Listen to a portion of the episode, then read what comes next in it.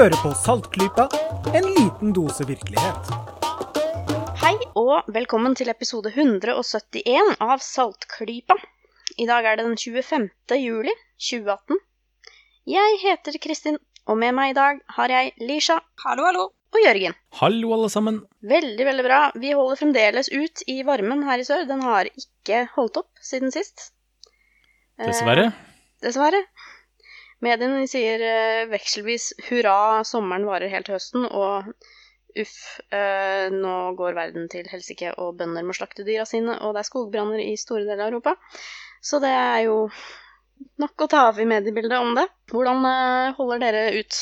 Eh, Så vidt. Jeg er så varm at jeg holder på å daue. Jeg er en typisk nordboer som foretrekker kulde. Og det er sjelden dere hører meg klage over eh, vinteren, fordi jeg liker faktisk kulde. Og den varmen som er nå, er helt forferdelig. Ja. Det er ikke normalt, vet du. Du da, Lisha? Du klarer det?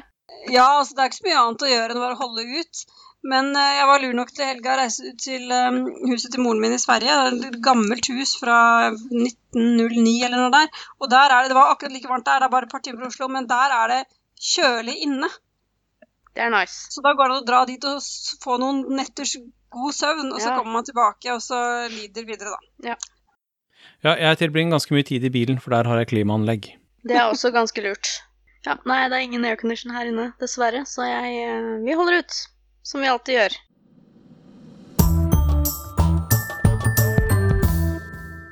Eh, vi skal snakke om eh, all slags eh, i dag på Saltklypa, men før vi begynner med ukens tema, så hadde Lisha en liten oppdatering. Ja, det hadde jeg. For vi har jo snakket om The Golden State Killer.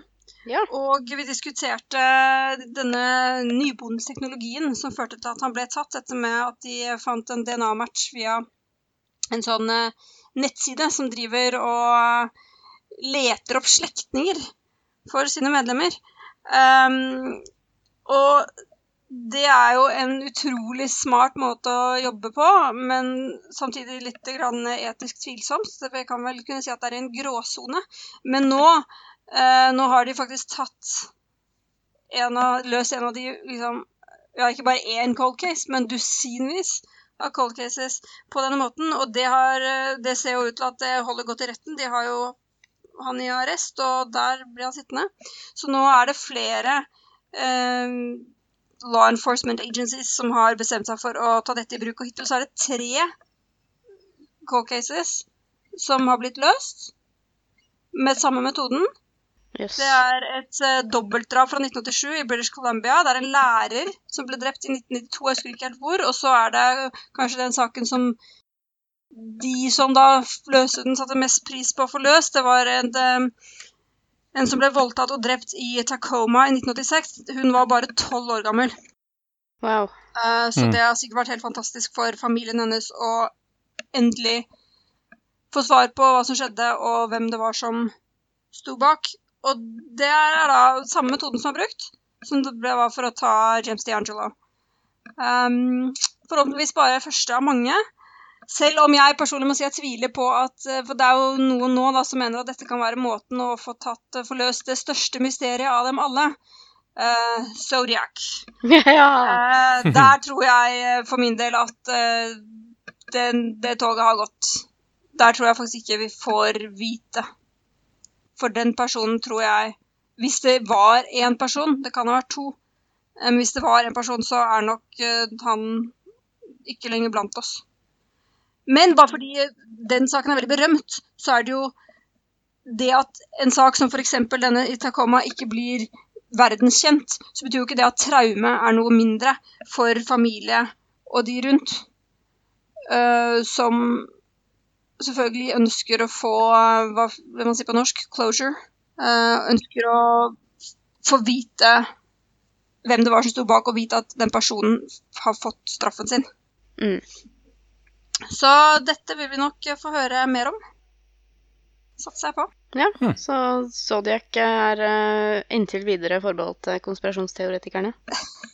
Ja, der har de nok ikke kommet så mye videre. Men det er jo sånn det pleier å være, er det ikke det? De ja, Men det. er, det er ikke akkurat noe mangel på kalde saker. Nei. Eh, Det er jo synd å si at eh, det skulle mangle noe der. Mm. Så ja. En liten oppdatering på gen... Hva skal man si DNA-teknologiens uh, bruksverdi.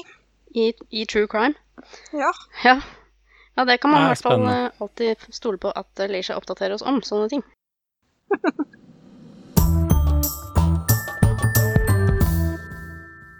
ja, vi, jeg nevnte konspirasjonsteoretikerne her, og eh, vi skal ikke gå helt ifra dem i denne episoden. Eh, Vi liker jo å bruke tid på de viktige tingene her i Saltklypa. De, eh, de store spørsmålene, de som er relevante for samfunnet vårt, og det som utfordrer intellektet og får oss til å bli bedre kritiske tenkere og bringer verden fremover. Som for eksempel hva er best av pannekaker og lomper.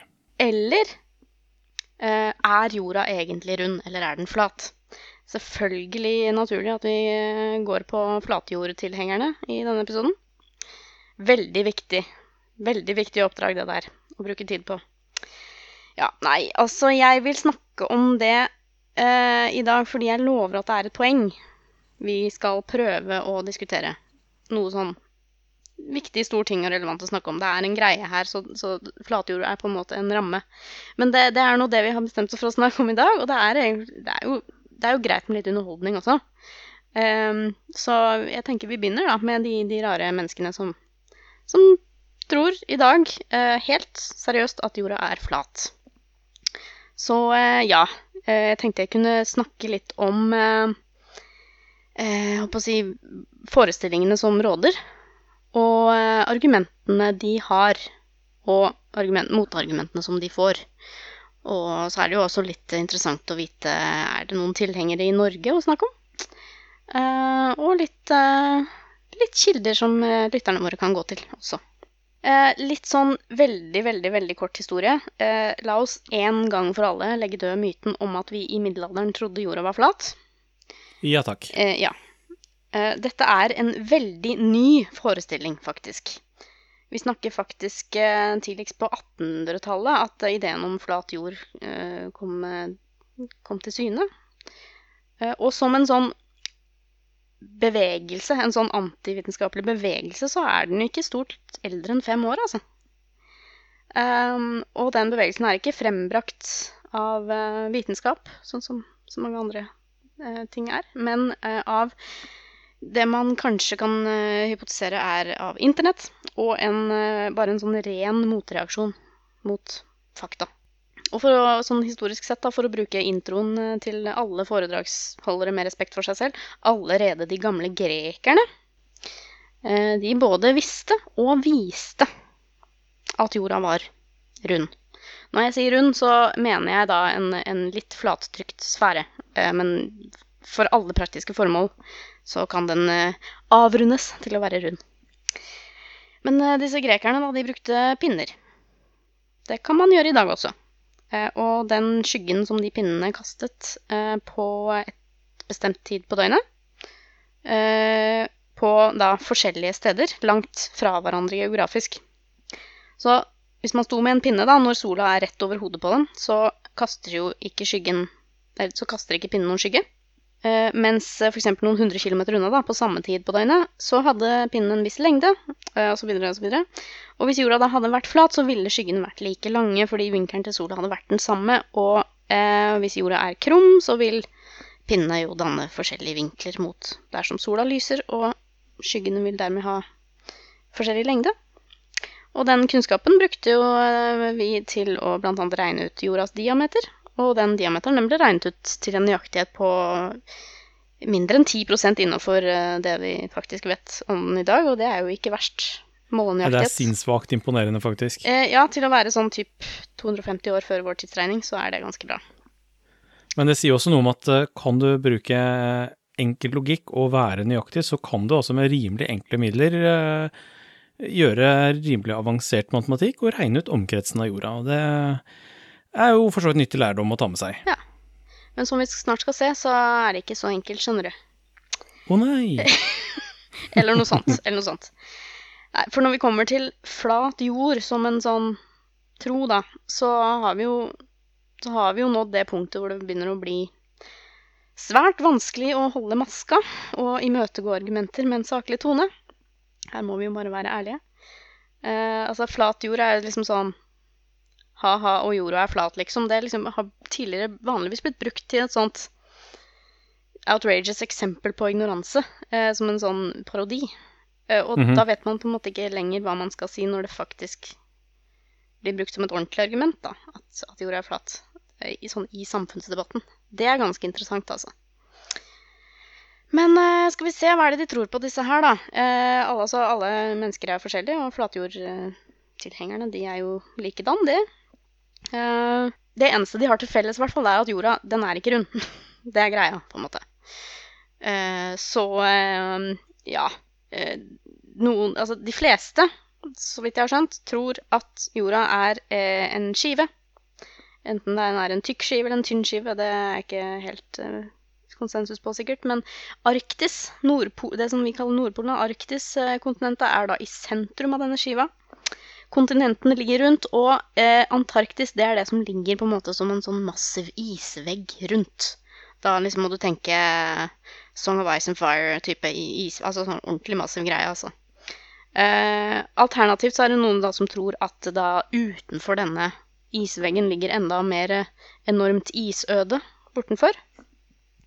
Men noen tror også at det, det som er verden, er da en, en, bare én av disse her pyttene rundt på et sånt kjempestort isøde. Altså at det er mange verdener. Det er det noen som tror. Um, det er mange som tror at over denne jordplaten så er det en kuppel. Og her kan jo, man jo gjøre masse rart. Man kan projisere planeter og stjerner og sola og sånn. Sånn at alt er på en måte uh, skikkelig, skikkelig fake, altså. Uh, og det forklarer jo ganske mye, da. Eh, Det er litt som uh, Truman Show, som har uh, de som har sett den filmen. Jeg må bare si uh, med en gang at flatjordtilhengerne stort sett elsker den filmen. Ja, jeg har litt inntrykk av at de elsker enhver tåpelig uh, film som på en eller annen måte kan støtte om poenget deres. Det er veldig mye populærvitenskap der. Eller populærkultur, mener jeg. ja. ja. Eh, så det er, det er en Den forklarer mye, altså. Um, men for å komme litt tilbake på, på liksom hvordan jorda er formet altså Det er jo ikke alle som tror at jorda er en skive. Det er en fyr som uh, har uh, frembrakt en eh, teori om at den er en slags sånn Ikke Altså på norsk blir det rart med å si diamantformet, en diamond shape, da. Altså sånn ruterformet, da, kan man si. Og det forklarer et eller annet med solas bevegelse, fordi at hvis den hadde vært firkantet flat eller rund flat, så hadde jo sola måttet bevege seg fortere på et sted. Et eller annet sånt er det. Han eh, som frembrakte frembrakt denne her ruterformede flatjorda, han har også et veldig, veldig um, uh, Veldig god forklaring på hvorfor man ikke faller utfor kanten. Mhm. Det er jo selvfølgelig at um, uh, det, vi teleporteres. Å ja, ja, selvfølgelig. Altså, Ja. unnskyld meg, du har vel spilt Pac-Man? Går du ut fra kanten på høyre side, så detter du ikke ned, vet du. Du bare kommer inn på venstre side igjen. Det er kjempelogisk. Um, så At du ikke har tenkt på det selv. det er jo Ja, mye mer logisk enn at jorda er en kurvet, lukket overflate, på en måte. Så det er Pac-Man-effekten. Han har selv kalt den Pac-Man-effekt. Og Men så han eh, gjorde det sjøl før noen andre kom på det. Ja. han sikkert. Eh, sitat Han heter for øvrig Darren Nesbitt. Eh, fullt mulig vi kommer tilbake til han. Uh, han uh, har sagt uh, sitat eh, We know that continuous east-west travel is a reality. No one has ever come to or crossed a physical boundary. Og med dette så er det på en måte QED, da. Ikke at jorda er rund, Ellers men at det, vi teleporteres. Så det er jo et, det er jo et argument, det. Og det er ikke så veldig lett å mot, motforklare det, da. Så ehm, jeg vet ikke. Altså, noen sier at den er en flat sirkel. eh, noen sier at det er en rekke med ringer som ligger i en eller annen konfigurasjon. Eh, og så er det jo da uenighet om om det er denne her kuppelen over eller ikke, da. Det er eh, Jo, også den der med kuppelen, den holdes jo selvfølgelig da oppe. Altså firmamentet. Du, du hører, hører veldig bibelske undertoner her. Holdes jo oppe da av syv pilarer.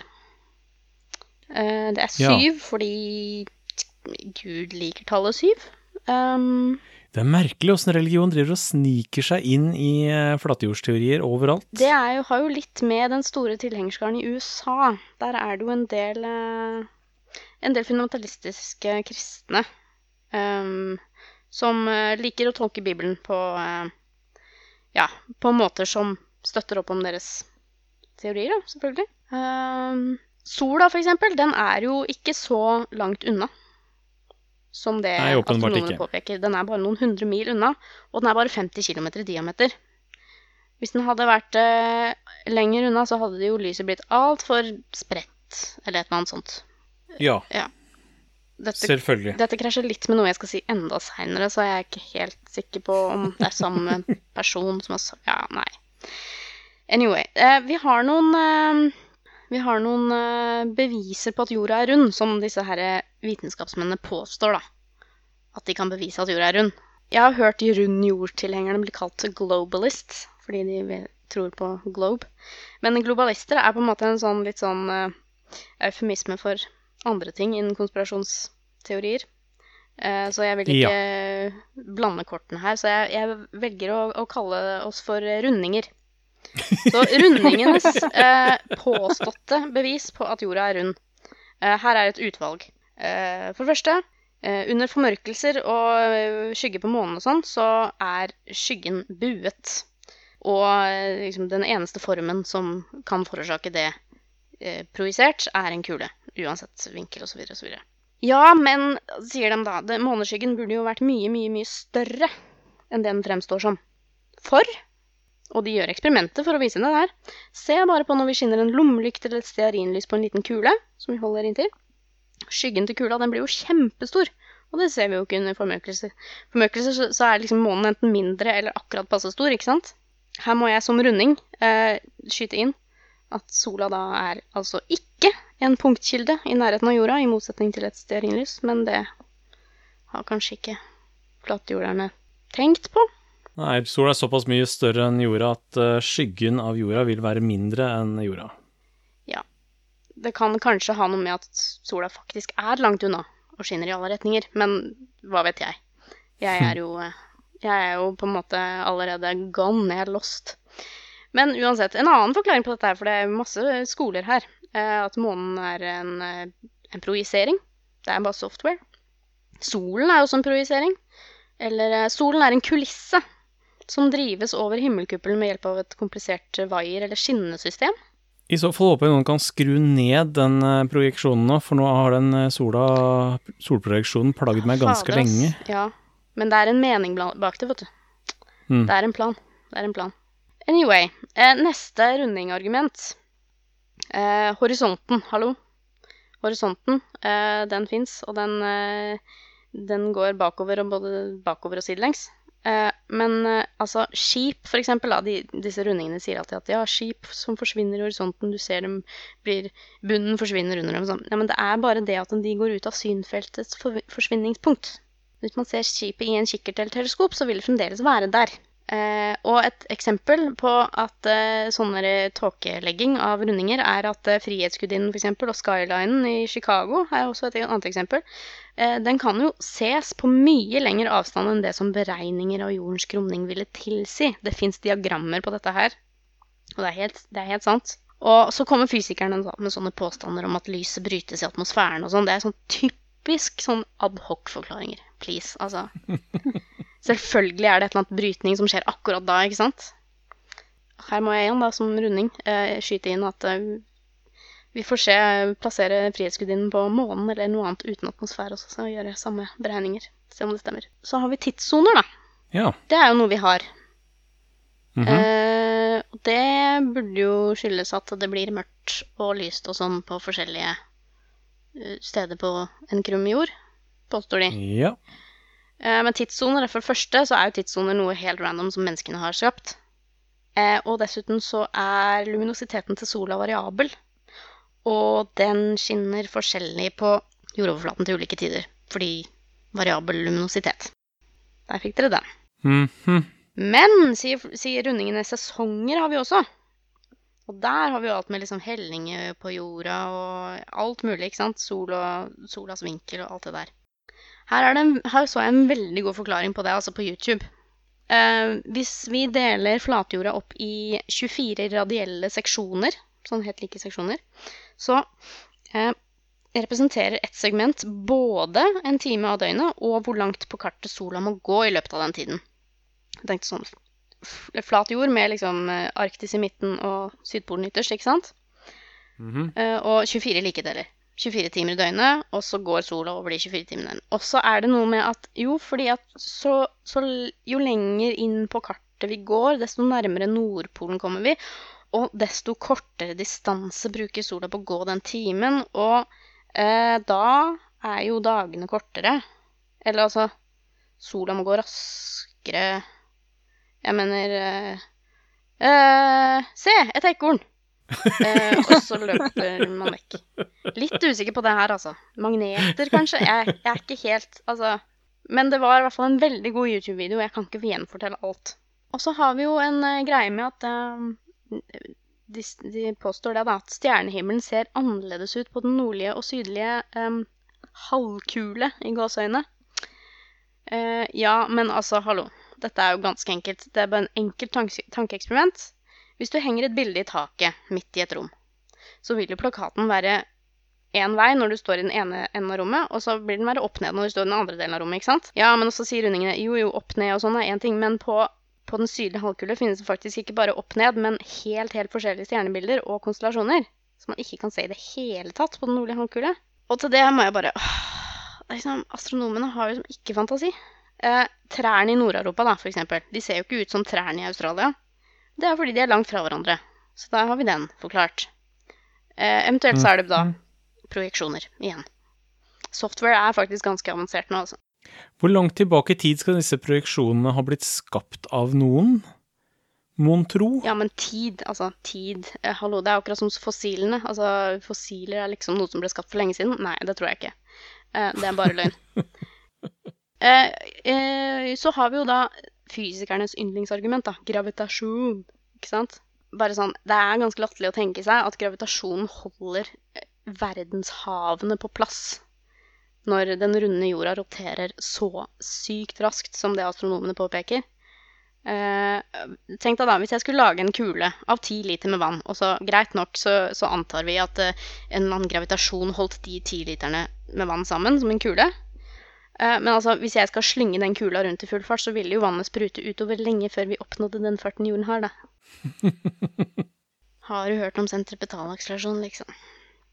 Så eh, Og så er det jo sånn, da, at eh, man sier liksom ting faller nedover med konstant akselerasjon. Nei, det er ikke sånn. Det er faktisk sånn at den flate jorda den beveger seg oppover med motsatt akselerasjon. Og det er mørk energi eller noe sånt, da. Ja, For da må vel jorda hele tiden akselerere? Ja, Mm. eh, sånn er det. Og den eneste kraften som fins, er for øvrig elektromagnetisme. Og der har jeg ødelagt Ja. fullstendig Big Bang-kosmologien med det samme. Så vitenskapen, den bare smuldrer bort. Og så er det da liksom den siste, siste de henger seg fast på. Det argumentet her Men vi har jo sett det. Vi har bilder. Vi har astronauter som har vært oppe der. Ok, astronautene, for det første, de lyver alle sammen. Eh, selvfølgelig. Astronauter er jo essensielt Altså NASA-astronauter, har tenkt på det. Astronauter er jo essensielt del av det amerikanske forsvaret. Militæret, ikke sant. Soldater som går i krig, de vet jo sjelden hva som venter over neste bakketopp, selv om offiserene vet det. Tenk deg f.eks. spioner som er ansatt i det amerikanske forsvaret. De vet jo sjelden hele sannheten om oppdraget sitt. Altså, Sånn er det med astronauter også.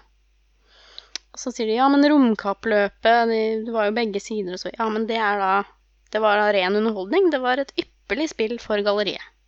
Og så da sier alle rundingene å nei, nå gir jeg opp, ikke sant. Og da sier vi eh, QED. Fantastisk. Der fikk vi dere. Um, ok, nå ble jeg litt sliten av å gå inn i den rollen, så jeg tror jeg bare går ut. Det er veldig mange andre forklaringer også, men jeg tok ikke med dem, fordi da hadde jeg sittet her i hele kveld. Det er jo eh, timeslange YouTube-videoer om dette her, med veldig, veldig, veldig nøye forklaringer. Foucaults pendel, for eksempel, er en, et argument. Det er mange som er uenige, uenige i hvordan det eh, funker også, da. Eh, hvis dere ikke vet hva det er, så er det dette her eh, gamle eksperimentet med en veldig, veldig lang pendel som svinger av seg selv, som eh, ved hjelp av jordens rotasjon, eh, hvis den svinger helt fritt, så vil da svingretningen forandre seg. Nei, noen sier at det er liksom noe magnetopplegg da, ikke sant. Eh, den på Blindern har jo faktisk en magnet som driver den. Men det er, jo, det er jo fordi det ikke er en perfekt pendel. En perfekt pendel fins ikke, den vil jo stoppe etter hvert. Mhm. Mm. Nei, det er, eh, den bryr seg ikke om det. da. Det, det syns ikke Foucaults pendel er noe interessant å diskutere. Av en eller annen grunn. Så ja, NASA lyver. Piloter lyver. Eh, fordi at eh, piloter de flyr jo for det første lange, lange distanser. Eh, enten så er det fordi de må fly i sirkler, sånn at folk tror at de flyr lenger enn de egentlig flyr og sånn. Eller eh, omvendt. Eller så eh, så så er det noen som sier at de har tatt med seg vater om bord på et fly. Og det vateret, det er i vater hele veien. Og hvis jorda er rund, så ville de se vateret helle, eller noe sånt. Eh, Ja, at flyet må korrigere for, Ja. for retningen hele tiden og tippe, sånn at vateret vil vippe fram og tilbake. ja, noe sånt. Mm. FN-flagget, det er jo liksom bare Det er Illuminati confirmed, da. Det er jo bilde av en flatjord. Ja, det der, det Mm. reagerte jeg på. Det. Jeg har sett folk si at eh, det er jo veldig påfallende at FN-flagget har en avbildning av en flat jord. Og det lurer jeg virkelig på. Hvorfor er det påfallende? For flagget er jo flatt. Så hvordan skulle det kunne avbilde noe annet enn noe flatt? Ja, hvis de skal ha med faktisk alle landene på jorda, som er hele greia med Ja, Det er jo opplegget, da. Blir vanskelig å bare Nei, sorry, Australia, dere fikk ikke blitt med her. Altså, Nei. altså hvordan kan du ah, Jeg vet ikke. Ja. Det er vel en sånn greie med at uh, Sånn hiding in plain sight-type konspirasjonstenkning, da. Litt som vi ser alle disse musikkartistene som lager trekanter med øynene sine og sånn. Et et eller annet sånn som er bevis da, på et eller annet. Så ja.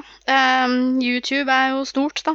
Eh, og det fins folk uh, som er store på dette her, både i både i utlandet og nærmere hjemme, faktisk. Jeg prøvde å se etter om det er noen norske talsmenn for dette her. Men på um, YouTube er det jo en som virkelig har blitt talsmann uh, for uh, flatjordbevegelsen, og det er en fyr som heter Mark Sargent. Ja. Han er virkelig ekspert på å altså, virkelig ikke engang tenke før han går imot argumentene til, eh, ja, til vitenskapen, da, som den legger frem. Eh, og han har jo til og med blitt spurt dette spørsmålet her, eh, men hva hvis du tar feil? For det er jo en sånn Det er jo bare et tankeeksperiment, ikke sant? Men eh, han har et veldig bra sp- svar på dette også. Altså Hva hvis du tar feil? Nei, det toget har gått for lenge siden, sier han. Hvis eh, jeg skulle tatt feil, så hadde jeg blitt overbevist om det innen seks måneder, og fremdeles har jeg ikke fått noe som, eh, som overbeviser meg. Så det er hans eh, rasjonalisering på det. Da var den saken. Ja, YouTube er virkelig stort.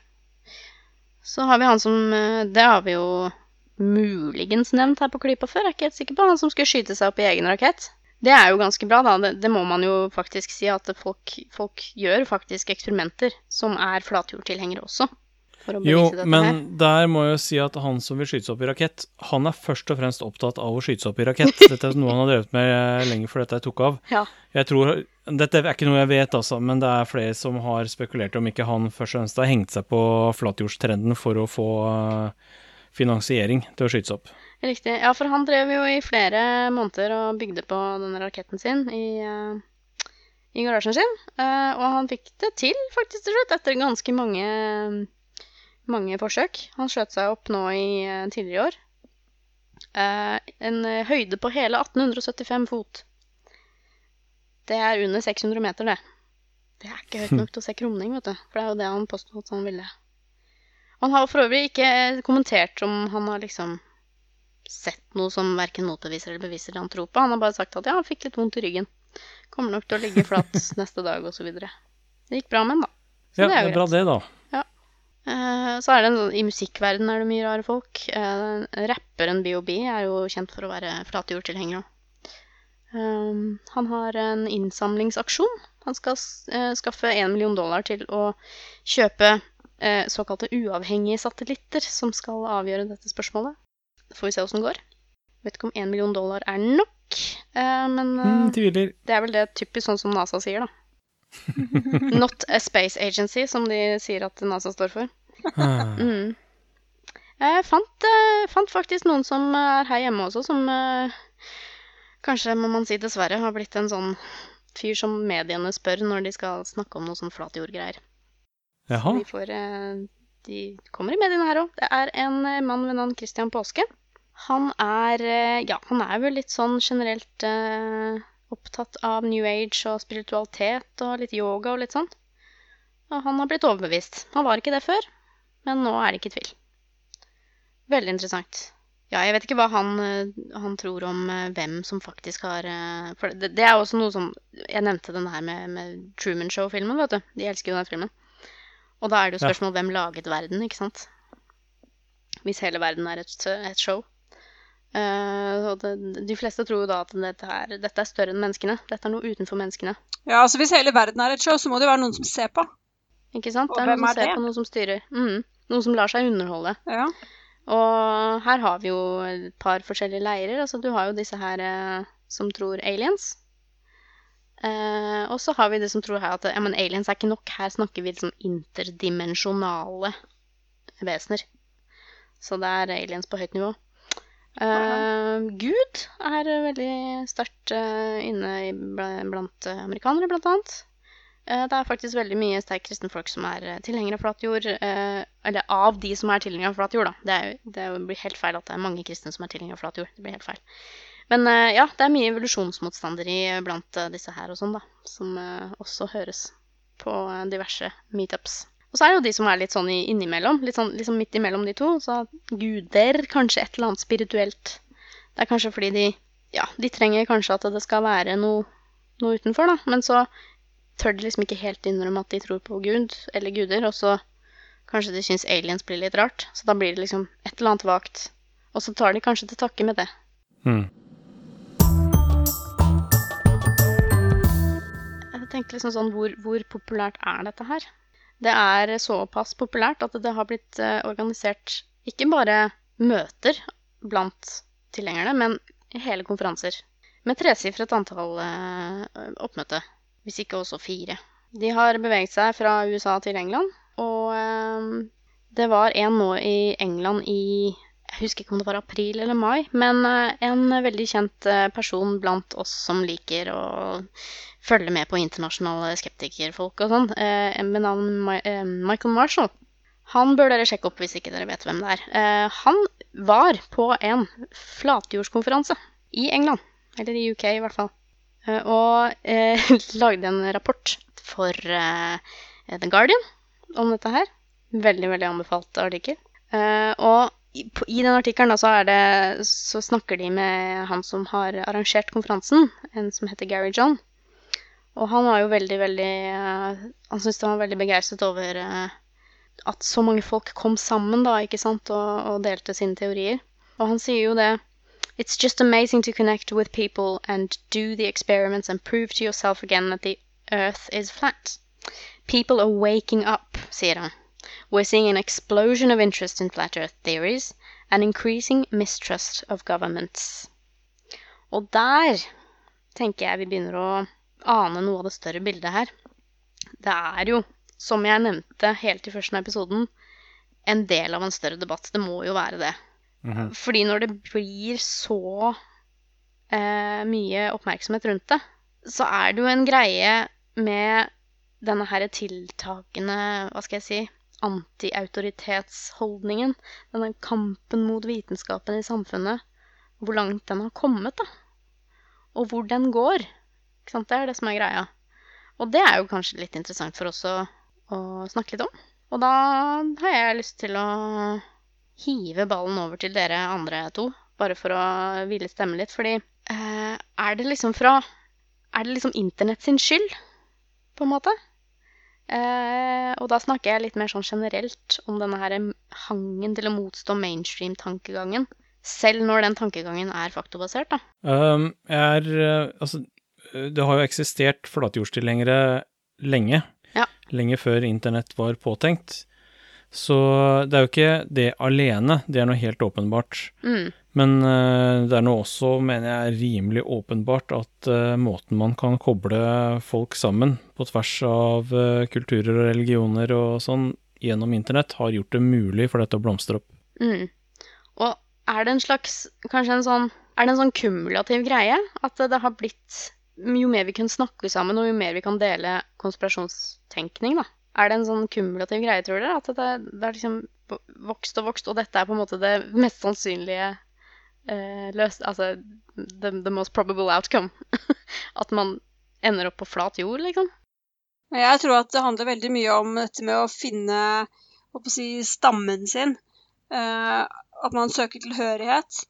Eh, og for noen så vil det være ønskelig å, å si, være snål og rar bare for å være snåler, og. Altså man ønsker å skille seg ut. Man ønsker å være en del av en gruppe som skiller seg ut.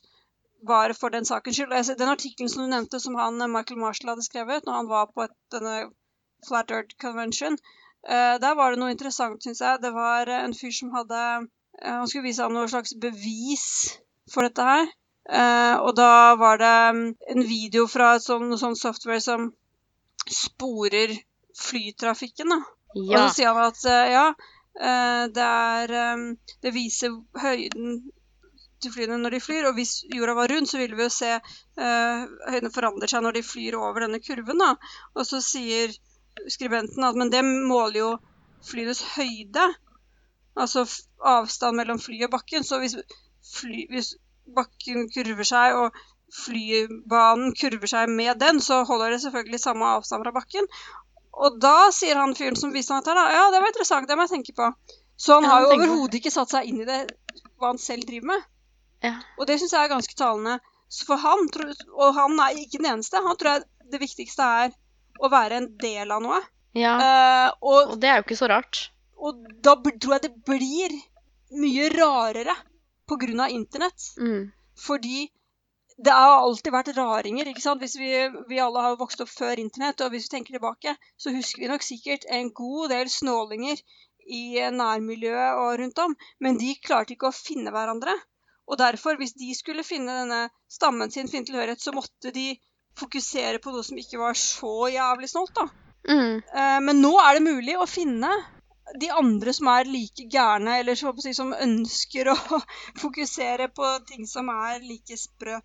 Og det er jo det internett har gjort, da, at eh, nå kan stammen din være personer som ikke nødvendigvis bor i samme by som deg, eller samme land som deg, eller samme del av verden som deg. Det er jo interessant å nevne med den, eh, den videoen noen hadde sett av fly som beveger seg i et sånt flyprogram og måler høyden. Det er jo også en, en video fra han som jeg nevnte i stad, eh, Mark Sargent. Ja. Han har blitt intervjua av eh, noen av mine favorittpodkastere. Eh, Ross Plotcher og Carrie eh, Poppy i podkasten Oh No, Ross and Carrie. De har en overraskende lang føljetong om flat jord. Eh, og den er som vanlig i den podkasten veldig, veldig underholdende. Eh, del fem av den podkasten, av den føljetongen, har de faktisk fått han eh, på og intervjuer han. Og det er altså noe jeg veldig, veldig sterkt anbefaler alle å høre, fordi eh, det er eh, jeg prøver å finne riktig adjektiv her. Det er veldig interessant. Det er veldig Det er moro, eh, og det er helt forferdelig. Fordi han er så hyggelig. Og det er jo greia med Ross and Carrie, at de er jo hyggelige mot alle. ikke sant? De har en veldig sånn eh, De gjør jo litt narr av ting, men når de møter folk, så er de veldig Altså, de respekterer andres eh, Perspektiv. eh, mening, perspektiv, og de holder en ordentlig samtale, ikke sant? Det, gjør, det gjelder både når de eh, har feltarbeid, som de jo gjør, og, og snakker med folk på, på podkasten. Og han har, jo, han har jo øvd seg veldig, da, Mark Sargent, på nær sagt alle disse argumentene som jeg nevnte i stad, med- og, og enda flere. Og han kan eh, så å si 99% av tiden eh, avfeie det med en gang med en forklaring. Det Mhm. er kjempefascinerende, altså. Ja, han er helt åpenbart en skarp fyr. Ja, veldig veldig skarp, og veldig Munnrapp, og har virkelig satt seg inn i en masse ting. Mm. Og du må virkelig følge med for å se hvor var det han tok en logisk glipp der Ja. som gjorde at han kom fram dit. Det er en øvelse i eh, å følge med, altså. Virkelig. Mm. Så den, den anbefaler jeg veldig. Og hvis dere gidder, eh, resten av Forlytungen. ja, altså, Plutselig her en dag så, så tok de opp tråden igjen og har publisert en del seks og del syv. Så det er sånn, jøss, den er ikke ferdig ennå. Og de har også nå sist intervjuet enda en flatjordsfyr. så det er jo kjempemorsomt. Jeg har heller ikke rukket å høre på de to.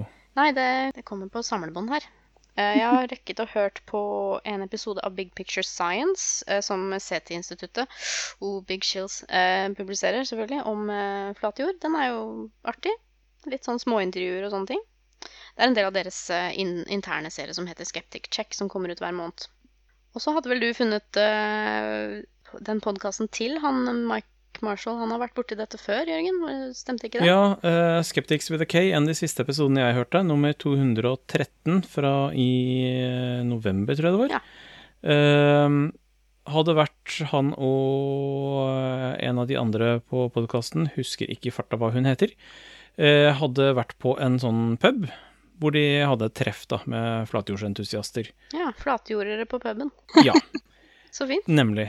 Uh, og rapporterte fra det. det var, og det er eh, ganske annerledes enn det uh, uh, Ross and Kerry har rapportert fra sine treff ja. med flatjordsfolk. så den kontrasten var ganske interessant. de er jo da ikke sånn åpenbart religiøse, disse britene som Skeptics with a K hadde vært og besøkt. men fortsatt temmelig spirituelle, og en rimelig snodig gjeng. Mm. Uh, så den beskrivelsen i episode 213 vil jeg absolutt uh, anbefale å høre på. Ja, uh, jeg har også sett, men ikke hørt, at Konspirasjonspodden, som sikkert flere av lytterne våre har hørt om, har også en episode om Flat Earth. Det er i sesong to, episode åtte, så den skal jeg i hvert fall høre på. Vi kan, vel, vi, kan vel, ha den som en sånn linke til også. Absolutt. Med, med forbehold om at ingen oss har hørt den enda. Så er det jo eh, mye Så er det mye lesestoff da, som eh, man kan finne. Både på den ene og den andre siden. Altså det er jo det er nyttige lenker, og så er det ting som man kan lese og så bli litt oppgitt av. Og så er det, ting som, så er det ting som man ser på, og så er dette her er, er dette her virkelig? Er, er, det noen som kødder med meg nå? Og så blir man kjempeparanoid. uh, case in point er en lenke som jeg fant, uh, eller som noen andre fant, tror jeg, uh, som heter virkeligheta.no. Bare, jeg sier ikke mer. Bare gå inn på den og, og, les. Det er vanskelig å vite hva man skal si om den der. Der er det virkelig vanskelig, og jeg trodde jeg var uh, flink til å oppdage hva som var uh, seriøst, og hva som var bare tøys. Uh, men her må jeg innrømme at jeg bremsa litt, rett og slett. Jeg nevnte Christian Påske og um, hans rolle som flatjordtilhenger i Norge. Han har masse argumenter for en flatjord som, uh, som vi kan linke til. Mm. Det var litt interessant. Jeg kjente igjen navnet da du sa det, så jeg måtte inn og, og se litt på det imens. Så jeg har jo vært borti han før i helt andre sammenhenger enn flatjord. Ja. Han driver jo med mye spirituell yoga og uh, astrologi og mye rart. Ja, litt alternativmesser og sånn, har jeg skjønt. Ja. Så han er en bra type. Uh, Får sjekke ut han. Apropos det vi prøvde å komme inn på her, med hvorfor i all verden folk tiltrekkes av sånne ting, og både generelt og spesielt, så hadde jo nrk.no en, en veldig bra tekst som de har kalt for Antiopplysningstida. Eh, som prøver å diskutere litt rundt dette her med, i forbindelse med, med March for Science og sånn, da, som var for ikke så lenge siden. Og hvorfor så mange oppegående folk er skeptiske til vitenskap. Jeg syns den er veldig, veldig bra. Og der kommer vi inn på vaksinemotstand og litt, litt, mer sånn seriøse ting, da. Litt mer ting som vi virkelig burde bry oss om og kjempe mot. Mm -hmm. eh, veldig interessant. Jeg syns folk burde lese den. Eller så har vi jo selvfølgelig sånn ordentlig relatert til flat jord. Altså, det er mange linker der ute hvor du faktisk kan gå ut og bevise det sjøl, at jorda er rund. Og hvorfor, eh, altså hvorfor vi vet det. Og så har vi jo en, eh, en artikkel på forskning.no eh, som eh, snakker litt rundt dette her at nei, man trodde ikke at jorda var flat i middelalderen. Det nevnte vi jo innledningsvis. Greit å kunne lese litt rundt det, så det skal vi linke til. Ja, jeg syns det er spesielt morsomt at de der tar opp at vi faktisk i norsk middelalderlitteratur har om akkurat dette. I Kongsspeilet ja. så forklares det hvordan lyset fra sola treffer jorda hvor jorda der eh, beskrives eh, altså, som et eksempel. Du tar et eple og holder en sånn at et lys eh, treffer den, og forklarer hvordan skyggen blir, og hvordan det blir kaldt og ulevelig der lyset fra dette lyset treffer eplet så flatt at det ikke blir ordentlig lys, osv. Yes. Skikkelig god innføring fra norsk middelalder. Det som er interessant også med den, er at når man leser Konungskuksja, så skjønner man at det tas helt for gitt at alle som leser dette, vet at eh, jorda er rund. Man trenger ikke forklare, forklare det, man bare forklarer hvilke konsekvenser det har. Men selvfølgelig så er alle innforstått med at jorda er rund. Mm. Nemlig. Ja, vi tenkte, altså jeg tenkte i hvert fall at uh, vi kunne spille ballen videre. Uh, denne runde, kulerunde jordballen over til uh, lytterne våre også. fordi at vi liker jo å få litt tilbakemelding fra dere. Litt av de spørsmålene vi stilte, som hva, hva kan dette skyldes? Altså hva hvorfor har flatjord av alle ting blussa opp? Ikke sant? Det er kjempeinteressant, og det er litt morsomt å høre hva, ja, hva dere mener om dette her. Det er sikkert veldig mange forskjellige meninger. Jeg, jeg satt og fikk en assosiasjon til eh, noen opplevelser jeg har hatt mens uh, Lisha fortalte litt om dette her. Som fikk meg til å tenke litt, var plutselig assosiasjon. Fordi i eh, min ungdom så har jeg drevet veldig mye med live, altså levende rollespill, hvor man lever seg helt inn i en annen verden, gjerne i flere dager i strekk. Og da, har, da er liksom Da opplever man noe rimelig fantastisk. Altså, de som er med på dette sammen, har opplevd noe sammen som ingen andre har opplevd, og det er sterke opplevelser ofte. Og veldig ofte, liksom på, hvis man tar bussen hjem sammen og sånn, så er det en sånn Plutselig møter du virkeligheten der ute. Masse mennesker som aldri har opplevd det vi nettopp har vært igjennom. De fantastiske tingene vi har sett og hørt og, og delt. Og man får en sånn intens følelse at vi har en greie sammen, og det er stort. Og man syns synd på de menneskene som ikke har vært med på det. Og så hvis man tar et lite skritt utenfor seg selv, så skjønner man også at man høres ut som fullstendig på jordet for alle andre som måtte overhøre de samtalene. Ja. Ehm, så jeg tror at det er noe veldig dypt menneskelig om det å, om hvordan vi opplever ting sammen. At det å, å føler oss spesielle gjennom de tingene, at det er noe av det som eh, har gjort at dette har blomstra opp så veldig. Det er veldig radikalt annerledes å tro på en flat jord, og ved å gjøre det radikale sammen med noen, så gir det en sånn sterk følelse av å være unik og spesiell sammen med noen andre. Mm. Og den følelsen er ikke, slett ikke forbeholdt de som har veldig rare forestillinger. Nemlig. Det må vi kanskje minne både andre og oss selv på. Eh, så jorda kan vel foreløpig konkludere med at den er eh, stadig vekk rund, kan vi ikke det? Ish. Ja. Jeg tror det. Ja. Men eh, ikke, ikke ta vårt ord for det. Eh, gå ut og mål selv, hvis dere er i tvil. Eh, eventuelt så slå et slag for vitenskapen og et faktabasert samfunn, og heie på det. Jeg tror vi setter strek der, er ikke det greit, da? Jo. Jo, vi har prata lenge nok om ting vi ikke kan noe Ja. om. I sånn ca. 30 grader fremdeles eh, innendørs. Jepp. Får håpe at vi snakker om noe annet enn varmen i neste episode. Kanskje sola virkelig er nærmere, altså. Det må jeg nesten undersøke litt. Eh, vi eh, setter strek der, og så snakkes vi vel igjen, forhåpentligvis om et par ukers tid som vanlig. Det vil jeg tro. Ja. Fortsatt god sommer til de som lytter på. Og da gjenstår det bare å si ha det bra. Ha det. det.